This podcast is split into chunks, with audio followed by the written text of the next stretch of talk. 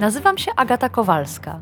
Jestem dziennikarką Okopres i umiem zadawać pytania. Wciąż jeszcze wierzę, że świat można ponaprawiać, więc swoich gości, polityków i ekspertki pytam o rozwiązania.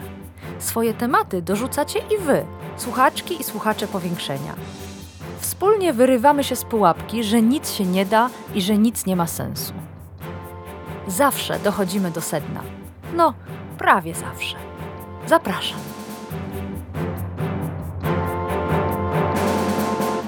Pomysł na ten odcinek podcastu o źródłach wody ma dwa źródła. Pierwsze to coraz powszechniejszy w Polsce strach przed brakami. Brakiem węgla, cukru, benzyny, prądu i zdumiewający mnie znikomy strach przed brakami wody. A drugie źródło to różnica, jaką dostrzegam w postrzeganiu tematu wody i tematu braku wody między wsią a miastem. Sama jestem z Warszawy i widzę, że my, mieszczuchy, mamy poczucie, że woda w kranie, ciepła woda w kranie, zimna woda w kranie, będzie zawsze. I specjalnie się nawet nie zastanawiamy, skąd się tam bierze, co jest jej źródłem. Na wsi z kolei o wodę drżymy. Ostatnio dużo czasu spędzam na Podkarpaciu. Tutejsze gminy od lipca wprowadziły ostre ograniczenia w zużyciu wody. Zakazane jest podlewanie ogrodów i pól, używanie wody na budowach domów i, co dla wielu też jest bolesne, napełnianie oczek wodnych i ogrodowych basenów. Podlewać nie wolno, a susza piekielna. I to w górach, w Bieszczadach, które kiedyś niezawodnie magazynowały deszczowe chmury. Sąsiedzi, którzy mają własne studnie, widzą ich dno. Niektórzy wożą wodę od sąsiada albo nielegalnie pobierają z zalewu solińskiego. Całą Polskę zresztą obiegły zdjęcia kałuż w miejscu rzeki San, ale naprawdę te zdjęcia to tylko kawalątek problemu. Ciekawi mnie perspektywa drugiego krańca tej układanki, czyli północy Polski. Dzisiaj w powiększeniu zawitamy do Gdańska. I przy okazji tej podróży z Podkarpacia na Pomorze rzucimy okiem na wszystko, co pomiędzy. Czy tylko mieszkańcy wsi powinni martwić się o wodę? Czy w miastach jest ona pewnikiem? Skąd się bierze miejska woda w kranie? I które z jej źródeł jest najbardziej zagrożone? A może żadne? Może miasta mają tylko problem z nadmiarem wody, z powodziami, podtopieniami, a nie z jej brakiem? Sprawdzimy to w dzisiejszym powiększeniu. Zapraszam.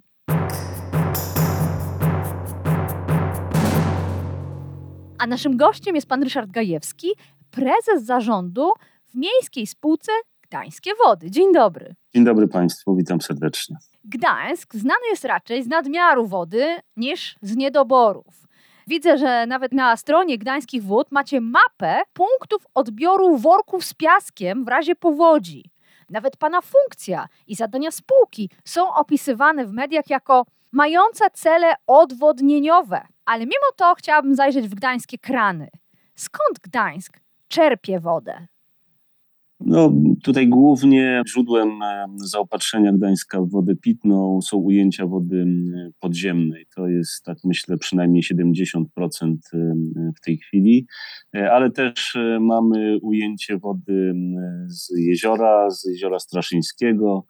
To jest w zasadzie zbiornik retencyjny, który powstał kiedyś przy 1910 roku przy budowie elektrowni wodnej i z tego z tego zbiornika wody też jest czerpana woda z ujęcia wody powierzchniowej e, w Straszynie. Więc tu głównie bazujemy na wodach podziemnych. No i trzeba powiedzieć, że ta woda w Gdańsku jest e, smaczna. Kiedyś nawet robiono takie badania porównawcze, smakowe wody i, i rzeczywiście byliśmy gdzieś tam e, w, w, Polsce na topie.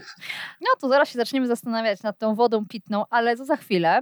Mówi pan wody podziemne. Jeden z tych mieszczuchów, z którymi rozmawiałam o wodzie, akurat mieszczuch z Warszawy, powiedział, że on nawet nie rozumie do końca, co to znaczy te wody podziemne, wody głębinowe. Skąd się tam bierze ta woda i czy ona jest niewyczerpana? Innymi słowy, gdyby w Gdańsku zaczęło brakować wody, to prędzej tej z jezior, z wód powierzchniowych, czy tej właśnie głębinowej?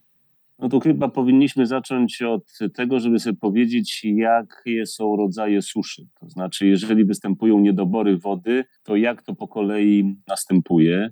Więc mhm. no, generalnie mamy do czynienia tak na co dzień z jakimś bilansem wody w przyrodzie, czyli jakimś powiedzmy bilansem pomiędzy parowaniem a opadami wody deszczowej. No i teraz w takim powiedzmy idealnym y, rzeczywistości, no to to nam się e, równoważy. Kiedy zaczynamy mieć deficyty wody opadowej, to wtedy mówimy o suszy meteorologicznej. To jest właśnie to jest ten deficyt wody opadowej. Jeżeli jest długi okres deficytu tak, y, wody opadowej, to zaczyna się wtedy susza rolnicza, inaczej glebowa, czyli mamy do czynienia właśnie z niedoborem wody dla upraw. To jest ten, ten, ten kolejny. I to Bo w tej wyparowała. Polsce, mhm. Tak, tak. I w Polsce w tej chwili praktycznie mamy na obszarze całego kraju właśnie do czynienia z niedoborem, z takim niedoborem mm -hmm, wody. Mm -hmm. Potem idzie susza hydrologiczna, czyli związana właśnie z wodami powierzchniowymi, z rzekami, e, jeziorami, która skutkuje właśnie takimi niskimi stanami tak. wód w rzekach. Tak. I w tej chwili we wszystkich rzekach praktycznie dużych, głównych w Polsce mamy właśnie takie niskie stany.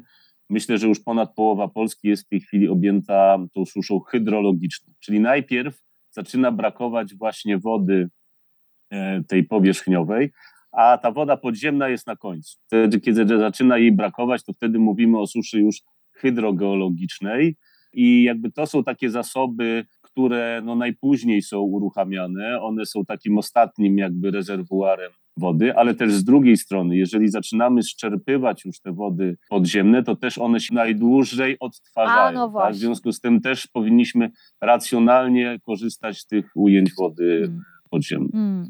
Napisała do nas pani Iwona ze Szczecina, że, bo ja pytałam, słuchaczy, czy wiecie, skąd się bierze woda w waszych kranach? Pani Iwona wie, napisała, że w Szczecinie wodę czerpie się z jeziora Miedwie, ale nie tylko. I rzeczywiście tamtejsze wody płyną do kranów z jeziora, z kanału Kurowskiego i z czterech źródeł podziemnych. I wygląda na to, że Szczecin, tak jak Gdańsk, ma zapewnioną wodę na wiele, wiele lat. Natomiast Warszawa, tu znów schodzimy z północy Polski trochę do centrum, czerpie wodę z Wisły i ze sztucznego zalewu Zegrzyńskiego. A Wisła na odcinku warszawskim z roku na rok w momentach suszy jest coraz płytsza. Czy miasta takie jak Warszawa powinny się zacząć martwić?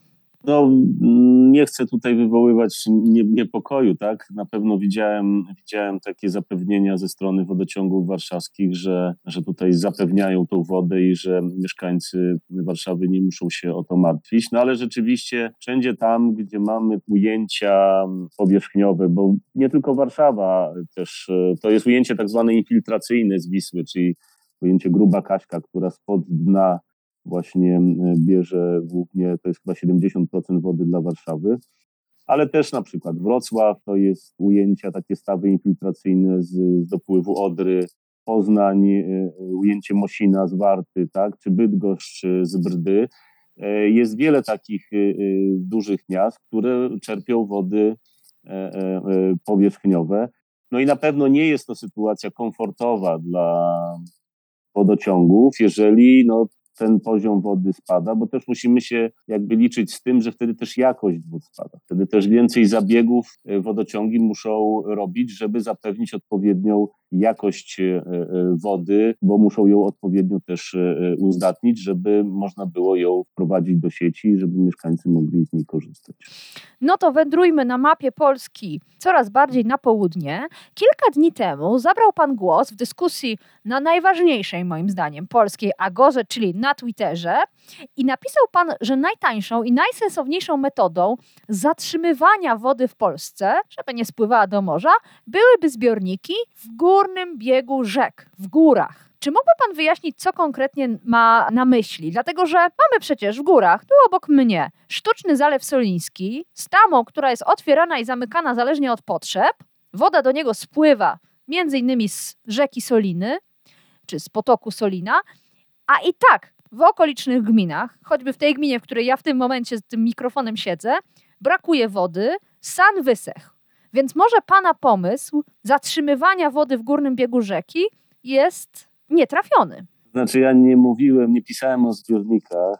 Chodziło mi o bardziej o taką zasadę, że generalnie jeżeli mówimy o zatrzymaniu, bo w tej chwili jest takie coraz bardziej modne hasło, czy, czy powtarzane w zasadzie przez wszystkich przy okazji właśnie zarówno i e, i powodzi, i, i suszy, że powinniśmy zatrzymywać wodę w miejscu wystąpienia opadu. Tak? Czyli mhm. powinno się przede wszystkim. Dlaczego? Pan też o tym e, pisał i mówił. Mhm. Dlaczego? Na, na, czym polega zaleta takiej metody? Bo właśnie, jeżeli zatrzymujemy ją w miejscu, czyli blisko tego miejsca wystąpienia, to e, zatrzymujemy ją w krajobrazie, w przyrodzie. Jest to taki jakby naturalny e, sposób zatrzymania wody. Jeżeli ona zaczyna nam przyspieszać, jeżeli ją ujmujemy, tak? jeżeli z jakiegoś powodu, nie wiem, uszczelniamy powierzchnię albo wycinamy lasy, tak? I, i, I jakby są te szlaki zrywkowe, po których woda przyspiesza i woda trafia do potoków, do rzek, to ma coraz większą energię. Wtedy jakby jest trudniej zatrzymać tą wodę i wtedy już jest właśnie potrzeba budowy zbiorników. Tak? Zbiorniki są pewnym efektem, po pierwsze, narastających zjawisk klimatycznych, a po drugie jednak y, nie do końca dobrej polityki, czyli polityki zbyt y, słabej promocji małej retencji. Mm-hmm, mm-hmm. No dobrze, ale Gdańsk jest na końcu zlewni rzek. San wysycha, Wisła osiąga głębokość na tym odcinku warszawskim, a raczej płytkość kilkudziesięciu centymetrów, w górach, na nizinach jest potworna susza, a w Trójmieście w kranach woda jest. Jak to możliwe? Co to za magia działa? Znaczy, ja, ja tutaj nie powiedziałbym, że, że to jest tak, że ktoś się może nie martwić o wodę mhm. pitną. Mhm. Taki przykład sprzed kilku lat Kapsztadu w Republice Południowej Afryki. 400 tysięczne miasto, które miało reglamentowaną wodę. To znaczy tam chyba bodajże po, po 50 litrów y, dziennie wody rozdawali żeby mieć wodę do, do picia, e, no bo po prostu były bardzo trudne warunki zaopatrzenia. I teraz pytanie, czy my jesteśmy rzeczywiście aż tak bardzo odlegli od, od, od takich e, scenariuszy, jeżeli mamy już dzisiaj 300 gmin w Polsce, które nawołują do ograniczenia korzystania z e, wody wodociągowej albo wręcz ograniczają dostawy tej wody, a też y, taką bardzo no, znaną, wydaje mi się, no, przynajmniej ja często słyszę o, o, tym, często jest to powtarzane, że my wcale nie dysponujemy jako Polska takimi istotnymi zasobami wody, nawet w stosunku do średniej europejskiej. Ale to prawda, tylko że ta liczba podawana dla Polski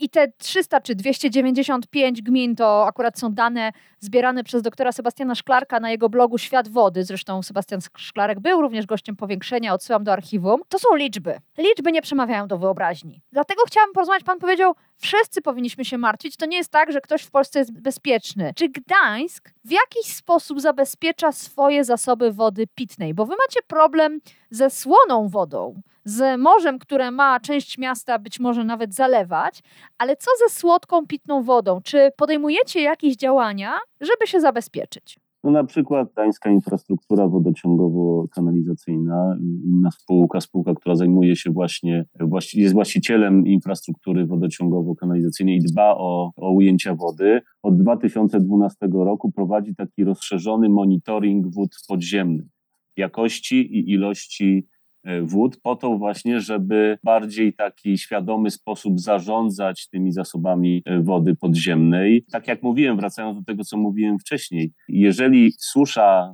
na przykład będzie bardzo długo trwała, to również zacznie to wpływać na zasoby wód podziemnych. W związku z tym trzeba tymi zasobami racjonalnie e, gospodarować. Też tutaj muszę powiedzieć, jest na przykład taka mm, jakby rozpoznanie zasobów wody w Polsce bazuje na e, zatwierdzonych zasobach sprzed, często sprzed kilkudziesięciu hmm. lat. I tu też jest w tej chwili bardzo duża potrzeba badania i analizowania zasobów wód podziemnych. Często się zdarza, i tu Gdańsk jest ewenementem jakimś, jeżeli chodzi właśnie o te badania wód y, podziemnych i tak szeroki program, bo często się zdarza, że po prostu no, są, są zatwierdzone zasoby, y, na tej podstawie wydaje się zgodę na y, budowę ujęć, po czym się okazuje, że rzeczywiście no, te zasoby nie są do końca takie, jakie być powinny. W związku z tym, tak jak powiedziałem, tu powinniśmy, powinny być na to no, większe środki przeznaczane, żeby również oceniać i e, od nowa, można powiedzieć, zaktualizować e, zasoby wód e, podziemnych A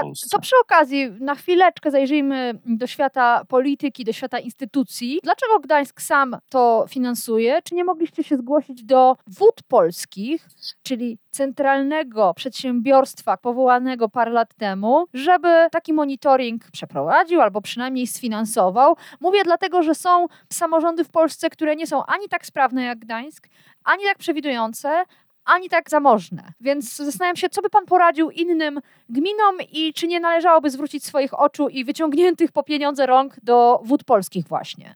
Czy akurat wody podziemne nie są w gestii wód y, polskich? To tym się zajmuje, jest taki monitoring krajowy, który prowadzi Państwowa Służba Hydrogeologiczna. Natomiast no, ten na poziomie takich pojedynczych, na poziomie gmin jest to jest szczątkowy. Na przykład dla Gdańska to są, nie wiem, trzy czy cztery, no to jest kilka E, tak naprawdę tylko e, e, otworów hydrogeologicznych, takich piezometrów, za pomocą których można badać stan wód podziemnych. Natomiast tutaj dla Gdańska to potrzeba ich jest przynajmniej kilkadziesiąt. Więc ze względu na niedostateczne finansowanie, które no nie odpowiadało potrzebom samorządu, musimy to robić mm -hmm, sami jako, mm -hmm, jako Gdańsk. Mm -hmm. Chciałam wrócić na chwilę do różnic między częściami Polski, e, do różnic również między Podkarpaciem a Pomorzem. U nas na wsi jest w tym momencie zakaz podlewania ogródków, warzywników, już nie mówię o basenach ogrodowych, a w tym czasie w Gdańsku, ale nie tylko w Gdańsku, działają myjnie samochodowe, nawet miejskie autobusy myje się pitną wodą. Skąd ta nierówność i czy to nie jest absurd? Czy to nie jest dowód na to, jak bardzo oderwane od rzeczywistości wodnej są na przykład miejskie polityki. To znaczy, ja bym powiedział, że to rzeczywiście wynika z takiej lokalnej specyfiki, bo tam, gdzie e, tego problemu nie ma, no nie zwraca się aż takiej uwagi na to, żeby no, tą wodę, znaczy tam, gdzie nie ma deficytu wody, tak, no to tam nie ma rzeczywiście potrzeby wprowadzania takich e, ograniczeń, co nie znaczy, że takie ograniczenia również e, za jakiś czas będą musiały być wprowadzone i u nas. Jeżeli tej wody nie ma lokalnie, no to my nie jesteśmy w stanie tutaj w Gdańsku w jakiś sposób tej wody dostarczyć na południe, tak? Poprzez e, Wybronił się pan, tak. ale prawdą jest to, i na pewno też pan e, śledzi te doniesienia z różnych miast zachodnich i nie tylko, w ogóle spoza Europy również, gdzie nagle wprowadza się ograniczenia typu prysznic tylko wieczorem, albo zużycie wody w ogóle w domu ograniczone o połowę i liczniki pokazują, kto przestrzega tej zasady, a kto nie. My w ogóle nie jesteśmy jeszcze na tym etapie w Polsce, w sensie decyzji, bo chyba jeśli chodzi o oszczędzanie wody, to już powinniśmy zacząć się nad tym zastanawiać. To jest trochę szerszy problem. My duży nacisk, muszę to powiedzieć, kładziemy na wykorzystanie wody opadowej i na zatrzymywanie wody opadowej. I tutaj w Gdańsku polityka y, miejska duży nacisk kładzie właśnie na traktowanie wody opadowej jako zasobu. I tu zmieniliśmy całkowicie miejską politykę y, pod tym kątem kilka lat temu, y, gdzie taka no, w wielu miejscach jeszcze zasada dotycząca e, gospodarowania wodą opadową mówi, żeby, że wody opadowej się należy jak najszybciej pozbyć, tak? Czyli tak, ująć, tak. We wpust, ująć we wpusty kanalizację, że woda jest problemem, tak, opadowa. Żeby zniknęła, to jest ta metoda. Żeby zniknęła, tak, tak czyli we, we wpusty ujmujemy do kanalizacji i tam jak najszybciej do rzek. My podchodzimy do tego całkowicie odwrotnie. Mówimy, że my chcemy wodę opadową zatrzymać. Chcemy zatrzymać i chcemy przede wszystkim zatrzymać ją w krajobrazie, wykorzystując do tego miejską zieleń.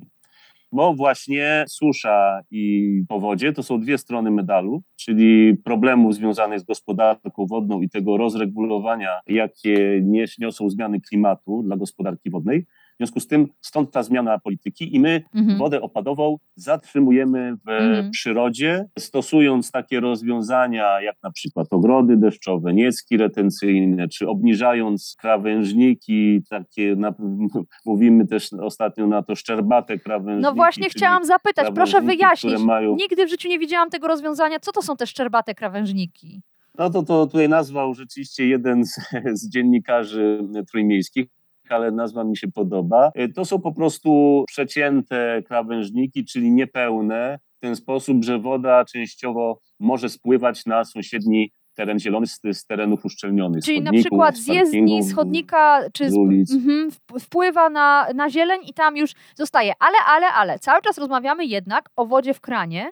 Czy takie retencjonowanie ma jakikolwiek wpływ na zasoby wody pitnej? Innymi słowy, czy na przykład kierujecie ją do jakichś zbiorników podziemnych, z których następnie czerpiecie tę wodę? Jak to wygląda? Powinniśmy patrzeć na to, na to szerzej, tak? bo jeżeli e, mówimy właśnie teraz na przykład o oszczędzaniu wody pitnej, no to powinniśmy ją oszczędzać na przykład na poziomie, to co też Pani wspomniała, podlewania. Jeżeli będziemy wykorzystywali w większym stopniu wodę opadową, no to mniej będziemy korzystali właśnie z wody Jasne. pitnej. Dlatego w Gdańsku, tak jak Pani powiedziała, no nie wprowadzamy takich zakazów czy ograniczeń, na razie przynajmniej, natomiast zachęcamy i to cała miejska polityka y, nakierowana jest w tym kierunku, żeby y, wykorzystywać y, wodę opadową praktycznie w każdym możliwym miejscu. W tej chwili każdy inwestor, który, każdy nowy inwestor, który buduje cokolwiek w Gdańsku, musi już wodę opadową zatrzymywać pewną jej ilość na terenie własnej e, nieruchomości, inaczej nie uzyska tutaj e, uzgodnienia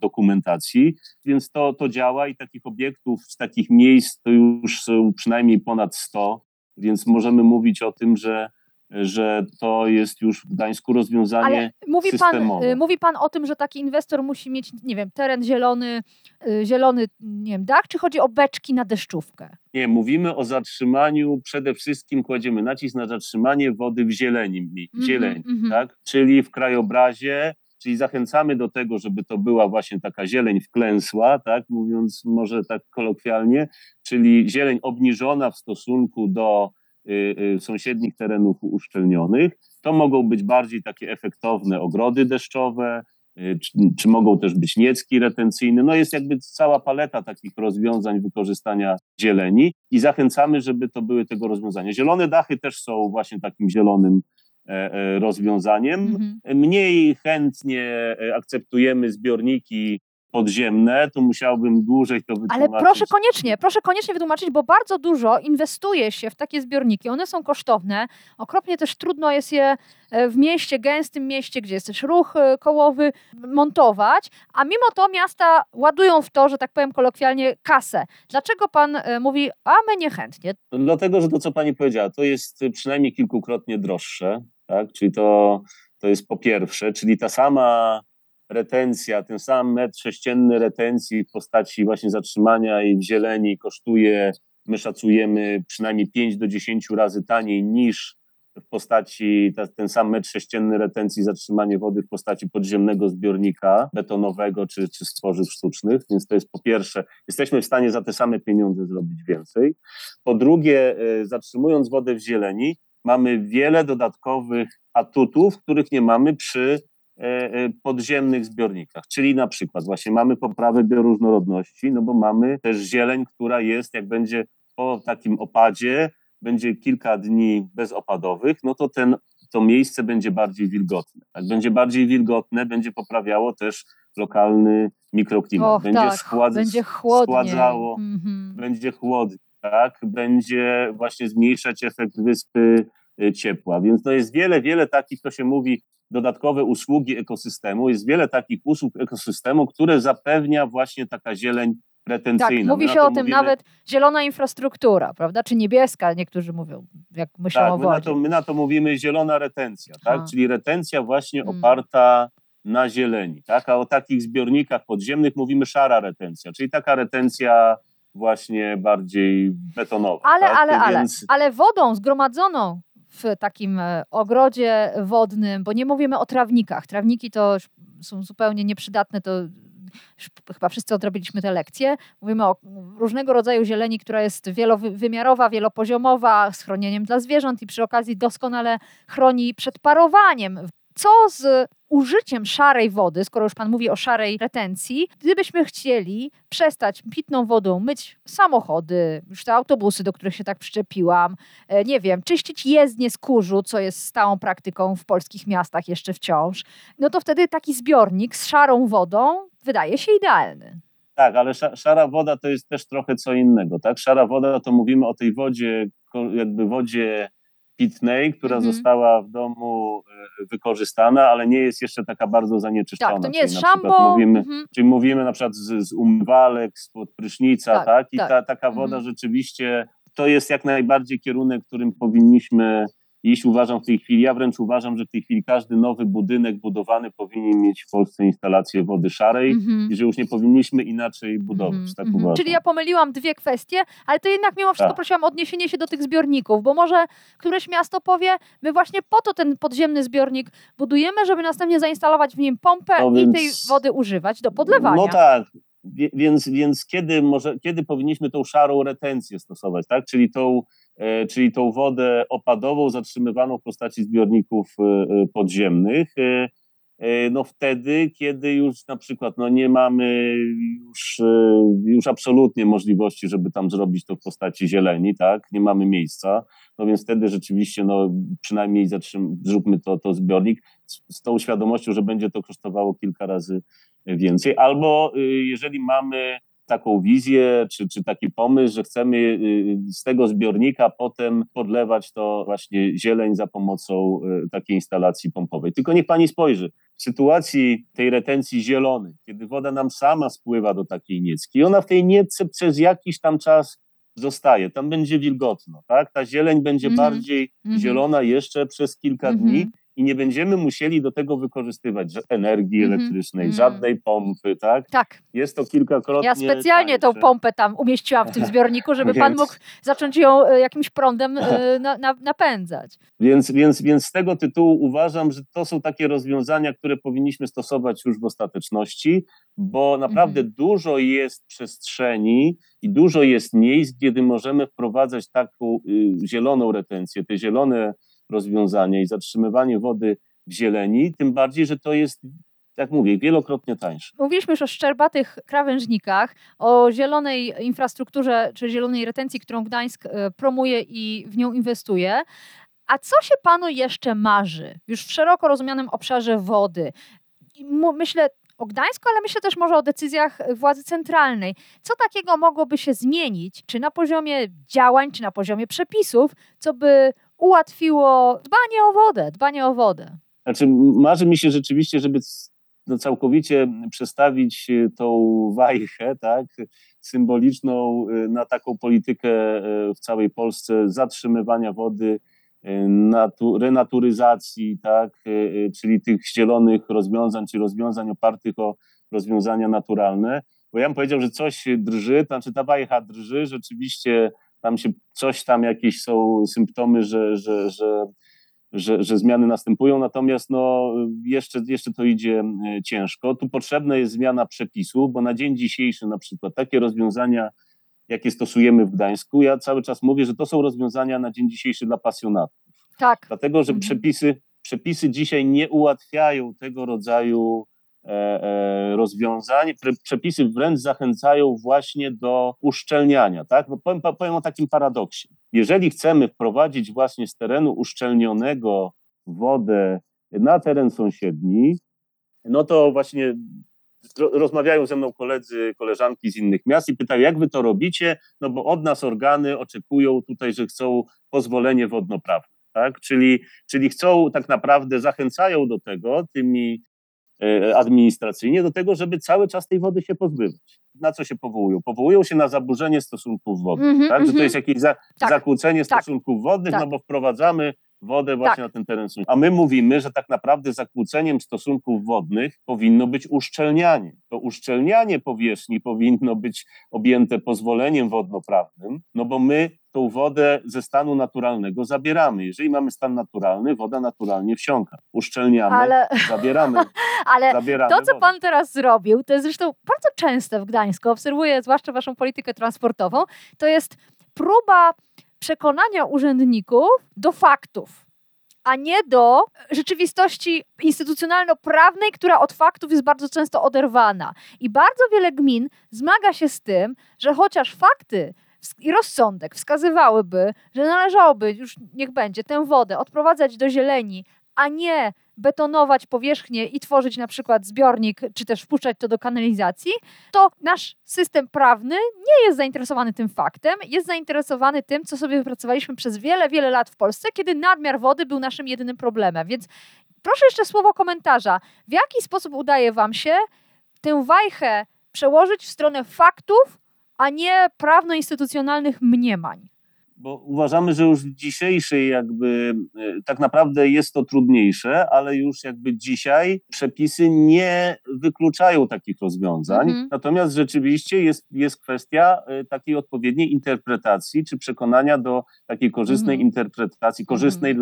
dla, e, dla wody, tak, korzystnej dla przyrody, interpretacji mhm. organów. I nam, mhm. nam się to Aha. tutaj udało mhm. zbudować taką pozytywną atmosferę wokół tego i dlatego też rzeczywiście być może więcej nam się udaje. Natomiast wiem, że w innych miastach jest z tym e, większy problem i jeszcze przed innymi miastami no, jest ta ścieżka pomogłyby zmiany prawne i pomogłoby takie jasne wskazanie przez ustawodawcę, że tak, ten kierunek chcemy wspierać. Tak? To znaczy, żeby wszyscy po prostu, którzy czy są przekonani do tego, czy są nieprzekonani, żeby to nie trafiało tylko na pasjonatów, ale żeby wszyscy dostali taki jasny sygnał. Tak. Idziemy w tym tak. kierunku. Tak. Ale to jest ciekawe, bo obiecałam sobie i przy okazji tutaj trochę pogroziłam palcem panu, umawiając się na ten wywiad, że nie chcę już słuchać o Narodowym Programie Małej Retencji, bo już nie mogę o tym słuchać. Wiele o tym mówiliśmy w powiększeniu, wiele pisaliśmy w Okopres i ja już po prostu mam dosyć, zwłaszcza, że ciągle słyszę od fachowców, że ten program jest zbyt ubogi, niedostatecznie wykorzystywany i nie, po prostu w efekcie nie do końca działa. Ale dobrze, już sama złamię swoje postanowienie skoro państwo chyba trzykrotnie uruchamiało program małej retencji, premier chyba trzy razy ogłaszał, że ruszamy z tym programem, to znaczy, że jest tak wola czy zrozumienie, że wodę trzeba powstrzymywać przed y, ucieczką, gromadzić, ratować i nawadniać, nasączać glebę właśnie wilgocią. A jednocześnie mówi pan, w przepisach wciąż jest z tym kłopot. Więc coś widać, prawda? Widać jakiś, jakiś taką zmianę świadomości również na poziomie centralnym. Chciałbym doceniać te, te takie pozytywne właśnie przejawy zmiany, dlatego powiedziałem, że ta wajcha mm -hmm, drży mm -hmm, już, mm -hmm. tak? E, I, I to są na przykład w tej chwili w specustawie przeciwsuszowej e, jakieś tam e, drobne zmiany dotyczące uproszczenia tych przepisów, o których mówiłem. One mam nadzieję, że się utrzymają, bo w projekcie ustawy którejś wersji to, to się znalazło. Tak jak pani mówiła, czy wody polskie, czy tutaj premier, no jakby mówi o małej retencji, tylko tak jakby e, łyżka dziegciu, bo mam wrażenie, że o tym się bardziej mówi niestety niż e, robi i że jest jednak niezrozumienie, a nastawienie głównie jest na takie duże, jeżeli popatrzymy na inwestycje i na co się przeznacza przede wszystkim środki, to największe środki idą na duże zbiorniki, na obiekty hydrotechniczne, a nie na właśnie hmm. taką małą retencję, na retencję rozproszoną, bo powiedzmy sobie, tak, jeżeli mówimy o potrzebie retencji, to taki duży zbiornik na rzece może jest potrzebny z punktu widzenia przeciwpowodziowego, bo może już inaczej tej e, wody, z, tak jak mówiłem wcześniej, nie da się zatrzymać, ale on retencji lokalnie nie poprawi. On Otóż nie poprawi to. sytuacji, sytuacji suszy suszy rolniczej. Znaczy, tak jak mówię, no, obok nas Zalew Soliński, w nim jest woda, jest tama, można tak. tę wodę spuszczać, powstrzymywać, a zaraz obok zakaz podlewania ogródków, więc coś tu w tym systemie wyraźnie nie działa. Nie działa to, że po prostu nie mamy małej retencji, mamy za to y, drogi zrywkowe y, w górach. Ale nie będę już narzekać. Podkarpacie jest piękne i mam nadzieję, że powoli będzie uczyło się też wodę powstrzymywać przed spływaniem do Gdańska, do morza. Bardzo dziękuję Ryszardowi Gajewskiemu, prezesowi zarządu w Miejskiej Spółce Gdańskie Wody za spotkanie i za rozmowę. Bardzo dziękuję.